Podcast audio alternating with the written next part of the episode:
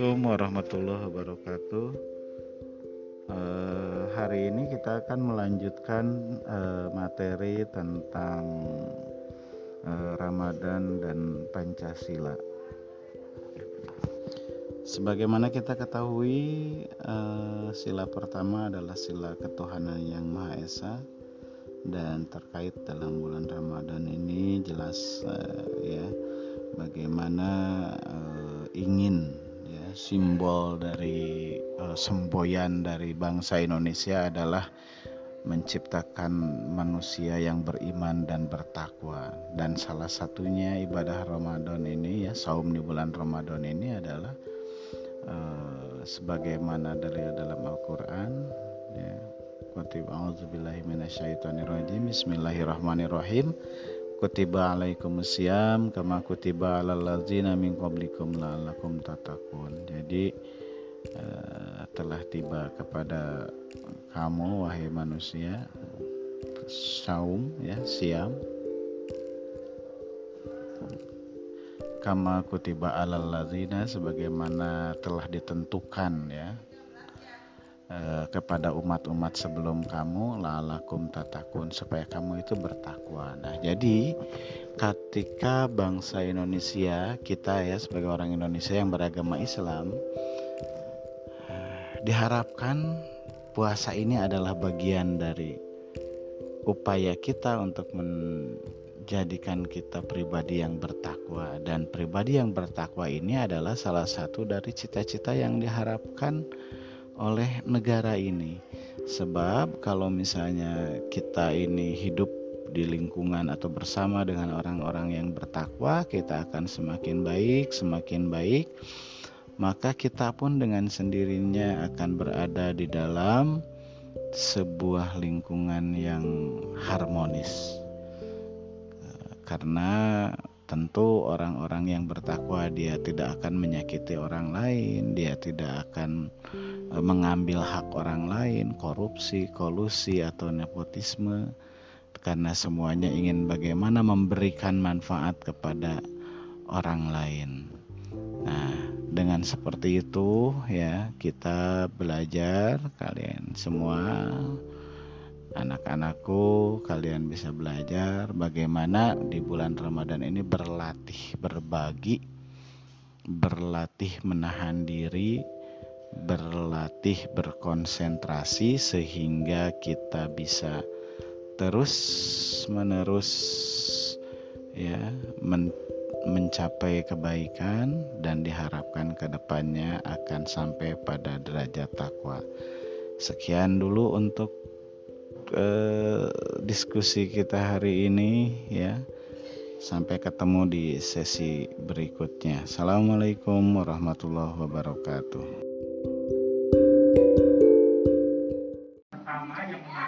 Tapi butuh.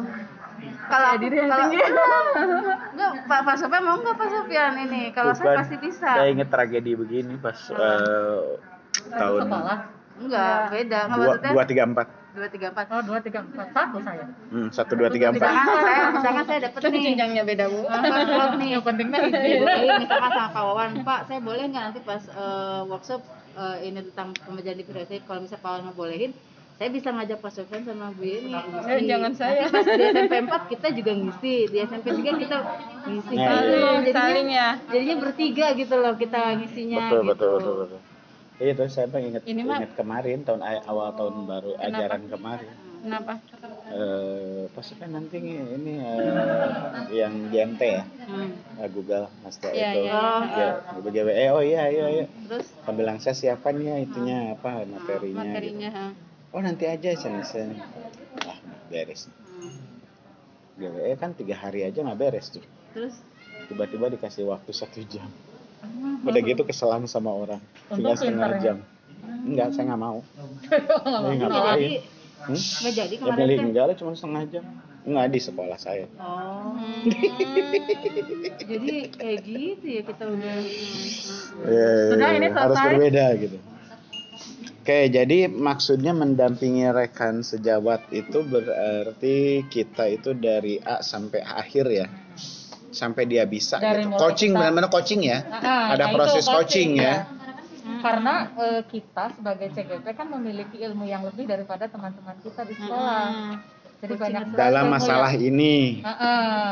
coaching atau dan scaffolding Oh iya, kalau kalau kalau SMA itu sekarang kan memang eh, untuk menuju ke kurikulum prototipe ya. Mm-mm. Kalau SMP udah belum disosialisasikan. Oh belum ya? Eh, sosialisasi dari dari Pak Mas Mad Nadimnya suruh nonton. oh kalau di saya udah. Udah, oh, enggak suruh dan nonton kemungkinannya kalau di saya kalau di SMA tahun ini sudah sudah ada sekolah penggerak di SMA 2 Cibinong sudah ada sekolah Mm-mm. penggerak dan guru-gurunya juga eh, guru penggerak angkatan pertama. Nah kemungkinannya SMA 1 nanti tahun ajaran depan sedang proses ini ke sekolah penggerak Hmm. Karena guru-gurunya sudah ada ya. Karena Iya. paling lambat kan pendaftaran bulan Maret ini Iya, sekarang lagi kepala sekolah saya lagi lagi bikin ya kayak kita aja tes gitu. Esai, liar cenah, liar. tapi empat tahun nggak boleh ganti kepala Ah, ah. sekolah Eh, sebenarnya mah bisa, tapi antar sesama sekolah sekolah. Heeh. Jadi misalnya SMA 1 dengan SMA 2 Cibinong, Ah. kan SMA 2 Cibinong tahun ini udah nih sekolah Iya. penggerak. Nah nanti bisa, jadi Iya. bisa nagen di situ Iya. 4 tahun Ah, ah. katanya. se- sekolah. Tapi kan itu kan modus kalau sekolah. Iya, iya. SMA hiji kan siapa yang mau pindah dari semasa? Iya. Kayak, kayak dulu RSBI kan gitu. Mm-mm. Nggak nggak pindah kan itu Iya lah. modus. Iya, modus ya Iya kesempatan kan? biar nggak Ah, dipindahkan. ah. Jadi mau nggak mau kalau saya juga sekarang lagi. Makanya kayak Proses. harusnya kepala dinas juga harus punya keberanian. Nah itu kan Maksudnya untuk untuk kota Bogor, ini kota Bogor ketinggalan kan? Ketinggalan Tadi banget. kata Pak Dedi yang, Iya. yang layak kita untuk- baru angkatan 4 loh CBP. yang yang apa yang yang baru yang layak jadi sekolah penggerak itu 12. hanya 13 Eh 13. 14 Eh 12 bukan? Oh 14 ya? Nah, 13 Yang 14 SMP. SMP yang negeri karena eh, Nah, mereka alasannya masa apa? kerjanya kan eh, masih 4 tahun. Tinggal Oh, Nah, karena kayak rasanya usia enam. ya. Ini udah mau Agustus. Mau- iya, Agustus udah Oh, mau iya, itu ya yang dari Iya, Mensa. Nah, harusnya gitu kan kalau yang udah di kan mentingan program tuh. Heeh. Ini langsung aja di misalkan Iya, masalahnya kak di mana-mana yang namanya kepala sekolah itu mau jenjang Politis. apa pun juga mereka tidak mau turun ya kan yang seumur hidup. yang megang kepala dinas Ah, maksudnya ah, nah itu. harusnya punya nyali. Jadi tidak ada regenerasi, susah untuk regenerasi. kan tuh bisa dapetinnya Ya itu dia. Ya iyalah dapetinnya aja juga bukan tangan kosong. Dan setelah jadi kan diamankan terus. Iya, itu sudah jadi rahasia. Begitulah. makanya. Nah berarti kita kembali ke sini lagi ya. Proses ada proses coaching dan scaffolding. Iya. Nulisnya tuh gimana sih? Jadi kan dulu beda tuh staff Shop. folding. SCH. Oh, pakai Enggak. scaffolding Gini bukan. Tahu. C Cap, cap, fold, cap. Staff Iya, folding. cap folding. nomor 5 eh nomor 7 evaluasi dan refleksi pembelajaran dan penerapan kegiatan Supervisi Iya. kalau di KBM. Nah, tapi kalau untuk kegiatan mah refleksinya Penerapan. ya eh, evaluasi refleksi. Evaluasi refleksi pembelajaran dan Kalau untuk KBM kan re- supervisi. Nah, kalau untuk kegiatan nah, mana-mana? Apa Nggak ya? ada namanya, namanya evaluasi refleksi Ya udah aja. ini aja ya. Uh-uh. Jadi nanti untuk melihat titik Efektifnya mana gitu ya. efektifnya, terus misalnya yang harus diperbaiki apa dan Iya. sebagainya. Kalau untuk KBM, kalau untuk cara kegiatan mengevaluasi cara mengevaluasi Mm-mm. Cara mengevaluasinya bisa dengan kuesioner. kuesioner, apalagi dan hasil bisa dengan curah pendapat.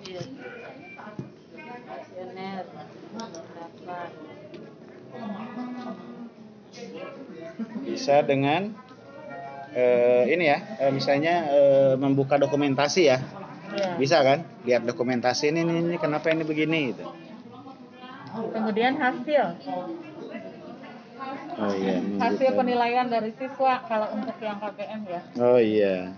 Kayak saya eh, apa ya Eh, kalau SMA kalau SMA itu kan kelas 12 berhubungan dengan penerimaan.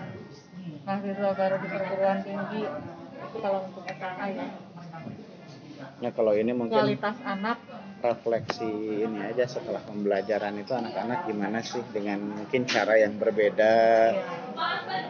Apa ya? Berarti Survei- penilaian- survei penilaian dan sikap anak Feedback dari anak ya. Ah, ah, Iya. penilaian akademik dan sikap karakter kalau pembelajaran kalau Ah. kalau bukan pembelajaran gimana itu tadi kegiatannya angket sama apa tadi angket sama kuesioner angket Kuesioner. kalau untuk yang kegiatan ya Ya tergantung makanya. Kalau ini bisa angket kuesioner. Kalau seperti ini kan curah pendapat. Gimana Bu Nurma nah. kesan-kesannya setelah Sharing, sharing. bergabung dengan komunitas kita nih? Oh iya sih seru, cuman capek. gitu. Oh kenapa capek?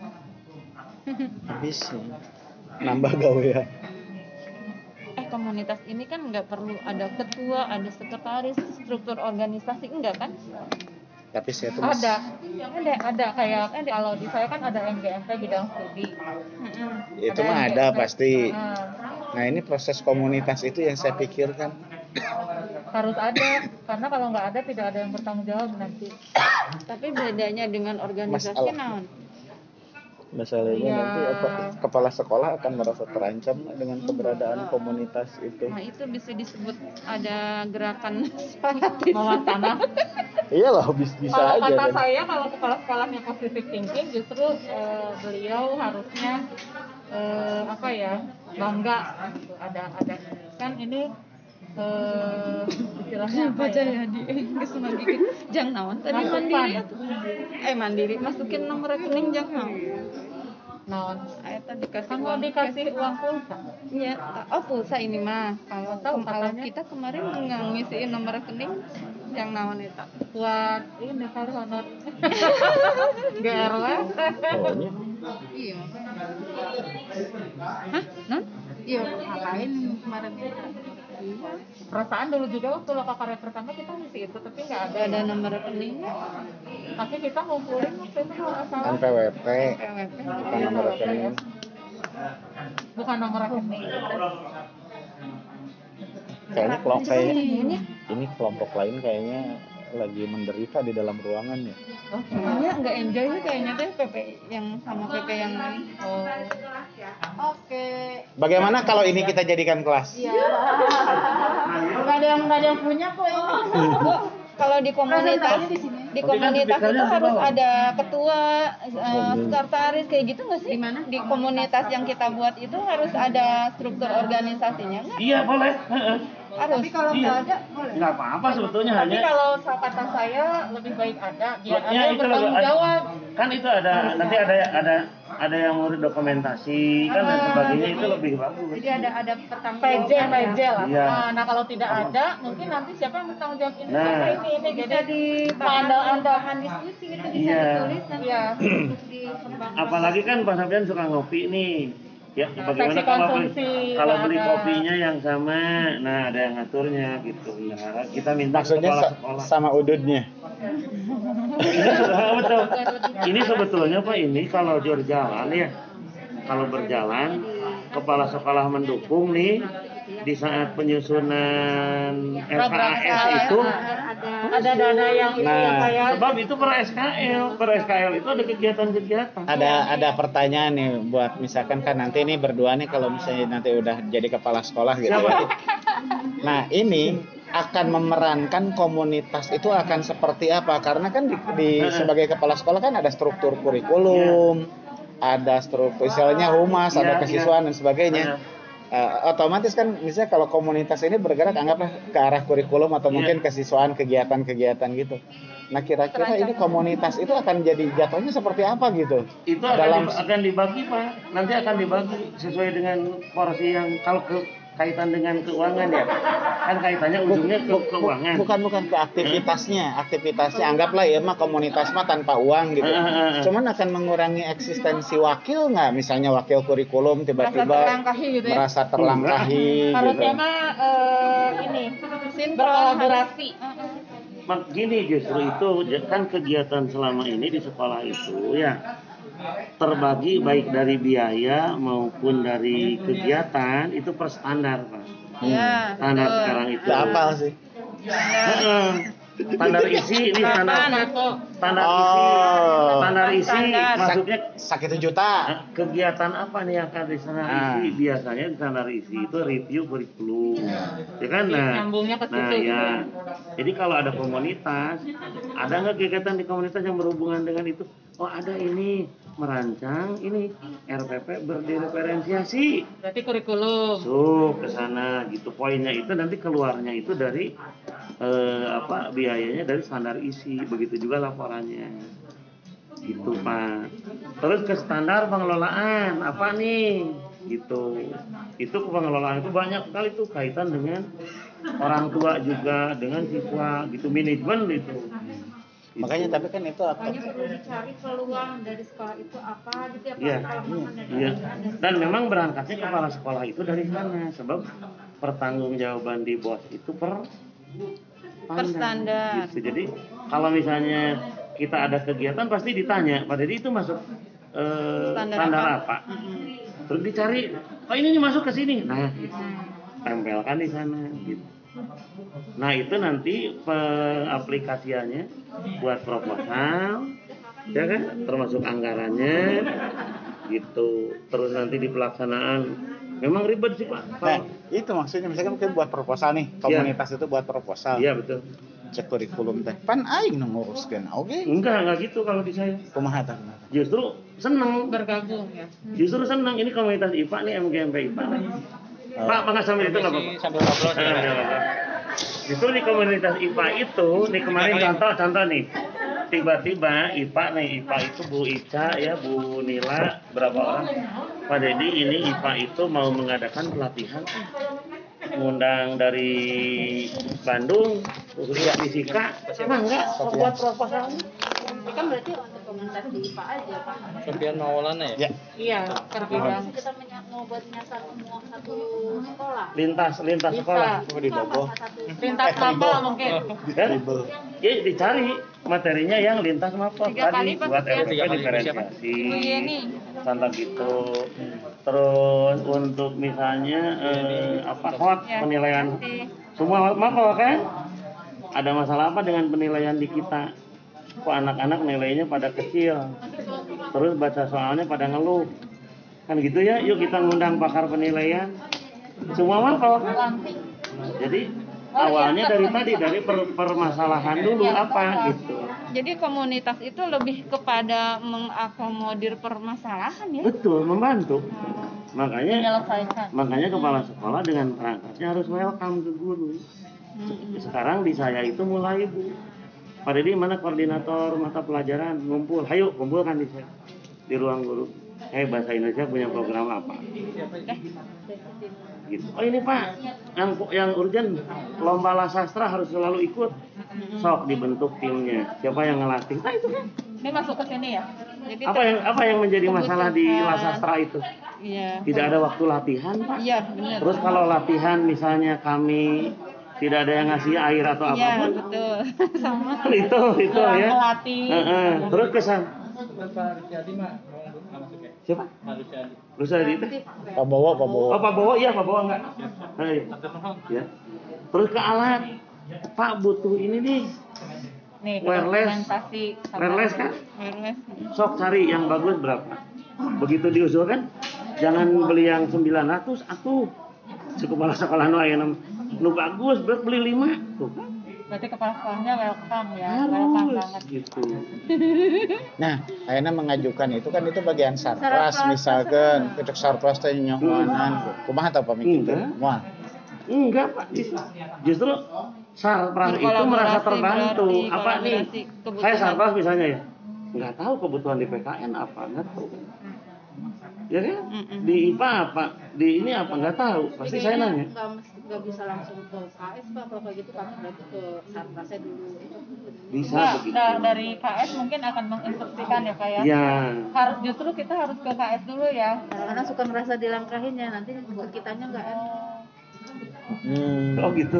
Gitu. Nah, Nah, justru budaya budaya itu budaya itu yang akan harus dihilangkan. Berarti Budaya feodal. bagaimana kita pandai-pandai mengomunikasikan ya. Ya, Gitu. Nah, dan makanya nanti kalau udah angkatan Dan itu jadikan permasalahan, itu teh masalah. gitu. tantangan tuh ya tantangan kita ya bisa langsung ke atas itu. Iya, iya. semoga generasi angkatan Kan saya juga mengalami, Bu.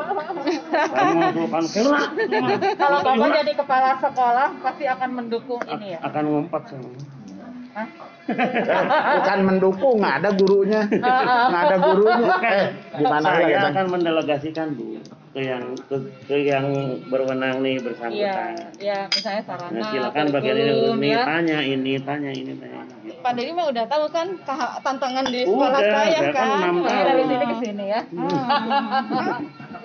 cut oh, cut Nah, berarti itu tantangan buat bener Ini pembunuhan karakter pindah ke dia Berarti ini tantangan buat kita sebagai CGP untuk mengomunikasikan ini kepada pimpinan kita. Tuh. Karena semua asetnya kan ada di beliau. Betul. Ya, gitu kalau menurut saya. Iya. Dan kalau yang bagus itu yang di atas bukan keputusan dia sendiri, Nah, Hmm. Nah, tapi bersama kolektif untuk Iya. kebersamaan. malah kalau perlu dengan semua guru ya disosialisasikan. Nih, Iya. guru penggerak CGP ini punya program ini, ini, ini. Nah, itu semua jadi enak. Rekan guru juga mendukung. Ya kan tantangan kita, guru penggerak itu harus Nah, mendobrak itu. itu gitu dari Apakah bawah. saya percaya diri untuk menyampaikan itu? Pak Ed Ayo Bapak Ibu kita akan pergi ke pos merintis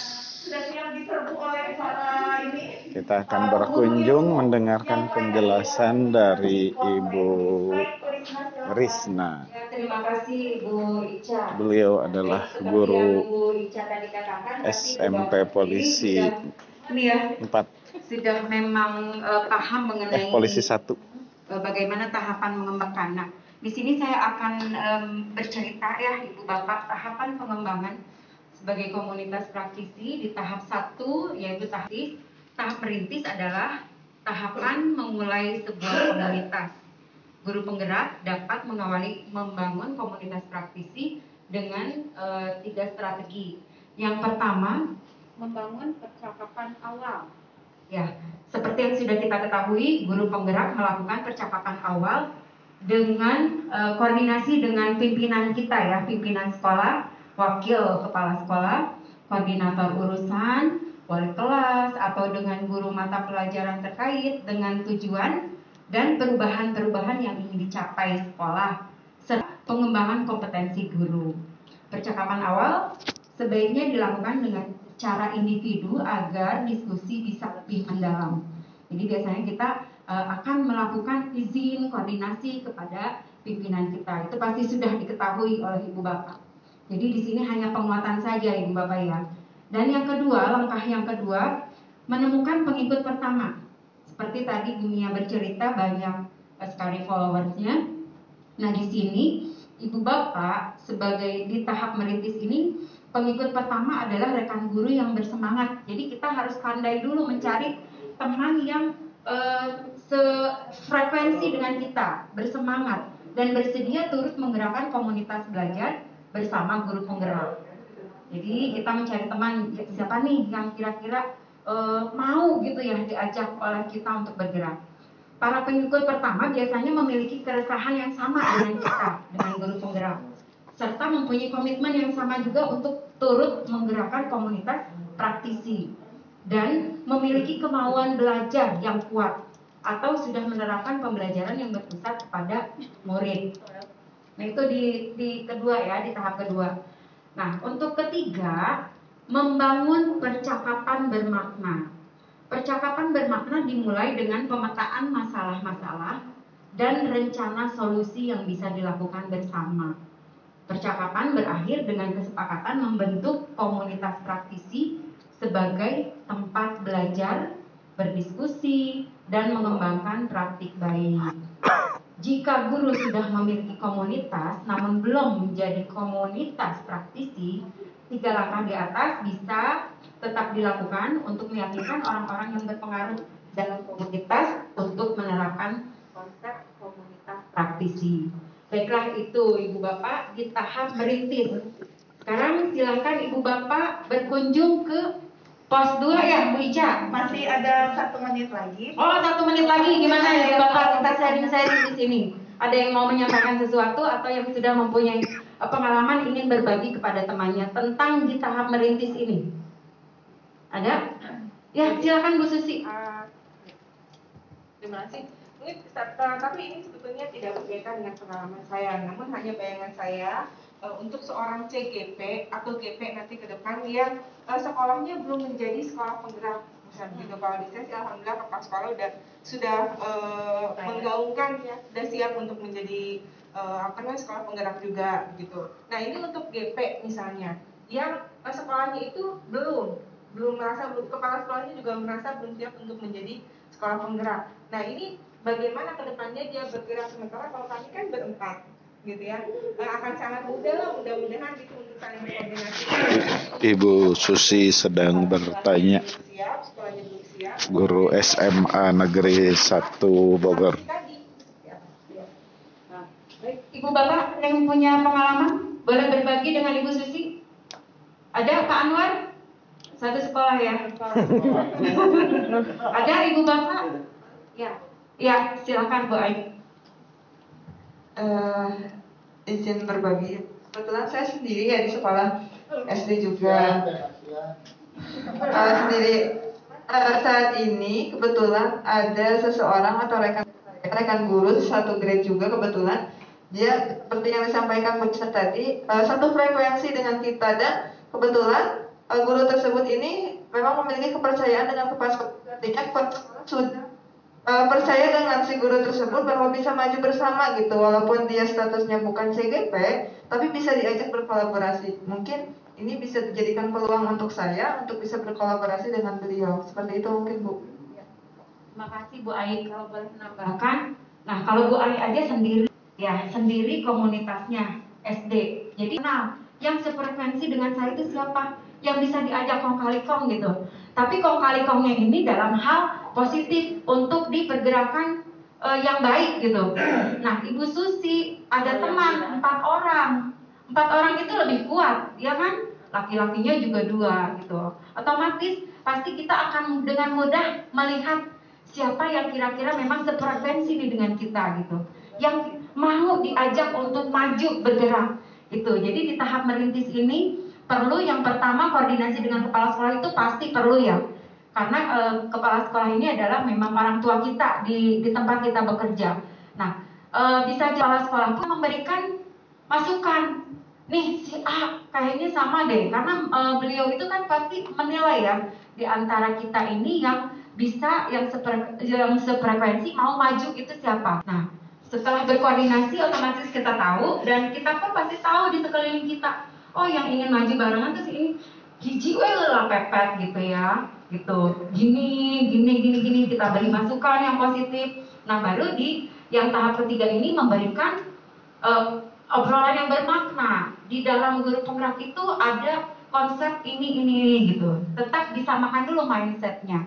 Ya, ada lagi yang mau berbagi Ibu Bapak? Waktunya sudah habis, Risma. Oke, ya. Oh, tambahan dari Pak Dedi. Ya enggak, Pak Desi. Ingat Bapak Ibu tadi ciri dari eh, komunitas praktisi itu ada domain. Apalagi ingat? Ada tiga. Yang mana domain. sih? Lupa. Komunitas praktisi. Eh, eh, ada apa lagi? Komunitas dan praktik. Nah, dan praktik betul. Domainnya berarti ada kesamaan, ya kan? Tadi antara tujuan dengan keresahan, kan? Dengan dengan dengan apa? eh, apa kegalauan, gitu. Terus berikutnya yang kedua, komunitas melakukan aktivitas. Apa ini untuk menghilangi, gitu kan? Apa untuk mengurangi ini? gitu.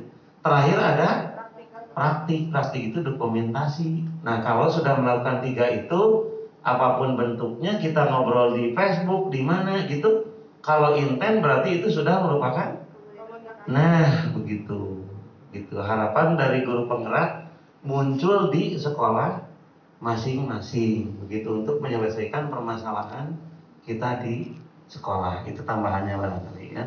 Jadi jangan besar dulu berdua, bertiga, berempat, inten gitu, ada tiga tadi domain itu, itu sudah masuk ke Nah, itu komunitas praktisi. Walaupun sekolahnya bukan sekolah penggerak, walaupun di sekolahnya tidak ada guru penggerak di SMP 1 nggak ada guru penggerak.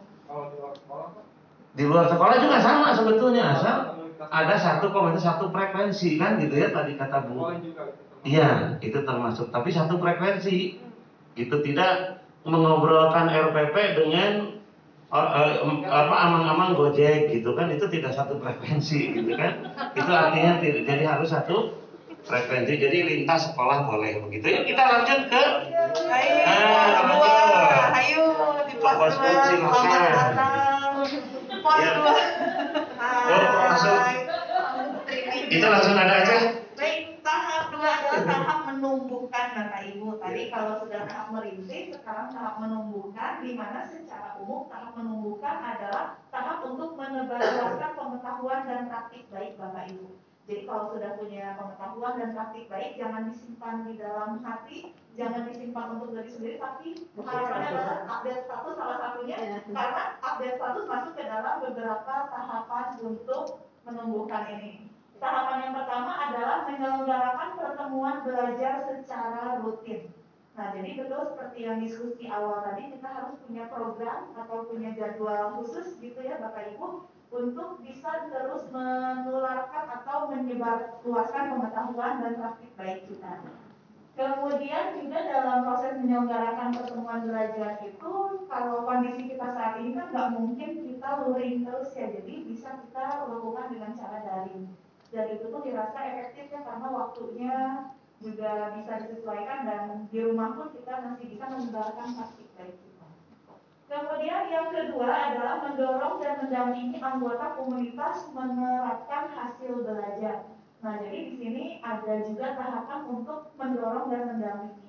Nah, itu yang tadi dikatakan di pepet tadi ya Bu Risma ya, di pepet terus jangan sampai lepas. Nah, maksudnya mungkin seperti pengalaman Bapak Basuki mungkin ya memepet calon istri waktu itu gitu jangan Waduh. sampai lepas gitu ya Pak Udah berhasil. Udah nikah ya, udah nikah ya.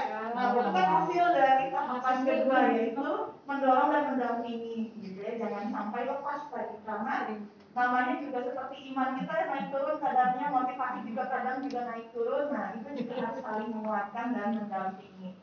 Tahap ketiga di menumbuhkan, eh, langkah ketiga di tahap menumbuhkan adalah mendokumentasikan. Nah, seperti yang di hadapan saya, ini adalah salah satu cara untuk mendokumentasikan dan membagikan hasil belajar. Bukan hanya untuk kita pamer eh, apa yang sedang kita lakukan, eh, jadi tidak seperti itu gitu kan. Jadi mindset kita kita ubah bahwa tujuan dokumentasi, tujuan menyebarkan adalah salah satunya untuk tadi menebarkan praktik baik dan juga di sini sebagai eh, sebuah media eh, bagian dari ci- eh, cerita perubahan. Jadi kita bisa melihat step-stepnya. Ada cerita perubahan, oh pertemuan pertama membernya masih satu orang. Kemudian tahap berikutnya praktik baiknya sudah mulai menular ke kelas-kelas yang lain, sudah mulai banyak juga rekan-rekan guru yang terlibat. Jadi kita bisa melihat progresnya. Karena jejak digital itu kan memang sangat-sangat eh, tidak akan hilang ya bagus seperti itu.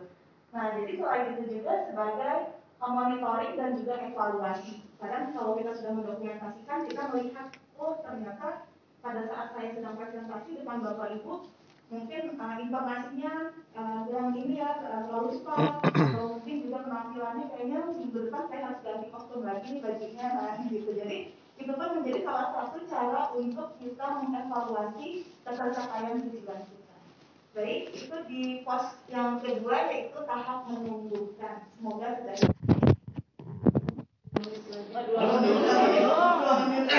Mungkin ada yang ya, satu menit. Mungkin Bapak Ibu ada yang mau berbagi pengalaman yang sudah sampai ke tahap menumbuhkan. Adakah Bapak Ibu? Oke, Pak Sofia mungkin sudah tahap sudah tahap membesarkan? Ya, pembesaran. Ya, satu menit lagi mungkin Bapak Ibu kalau mau melihat ini penjelasan yang lebih rinci, lebih detail lagi untuk melengkapi catatannya dipersilahkan. Nah, Nah, gitu. Foto terus disare. Sare ya. Sare sama Yang buat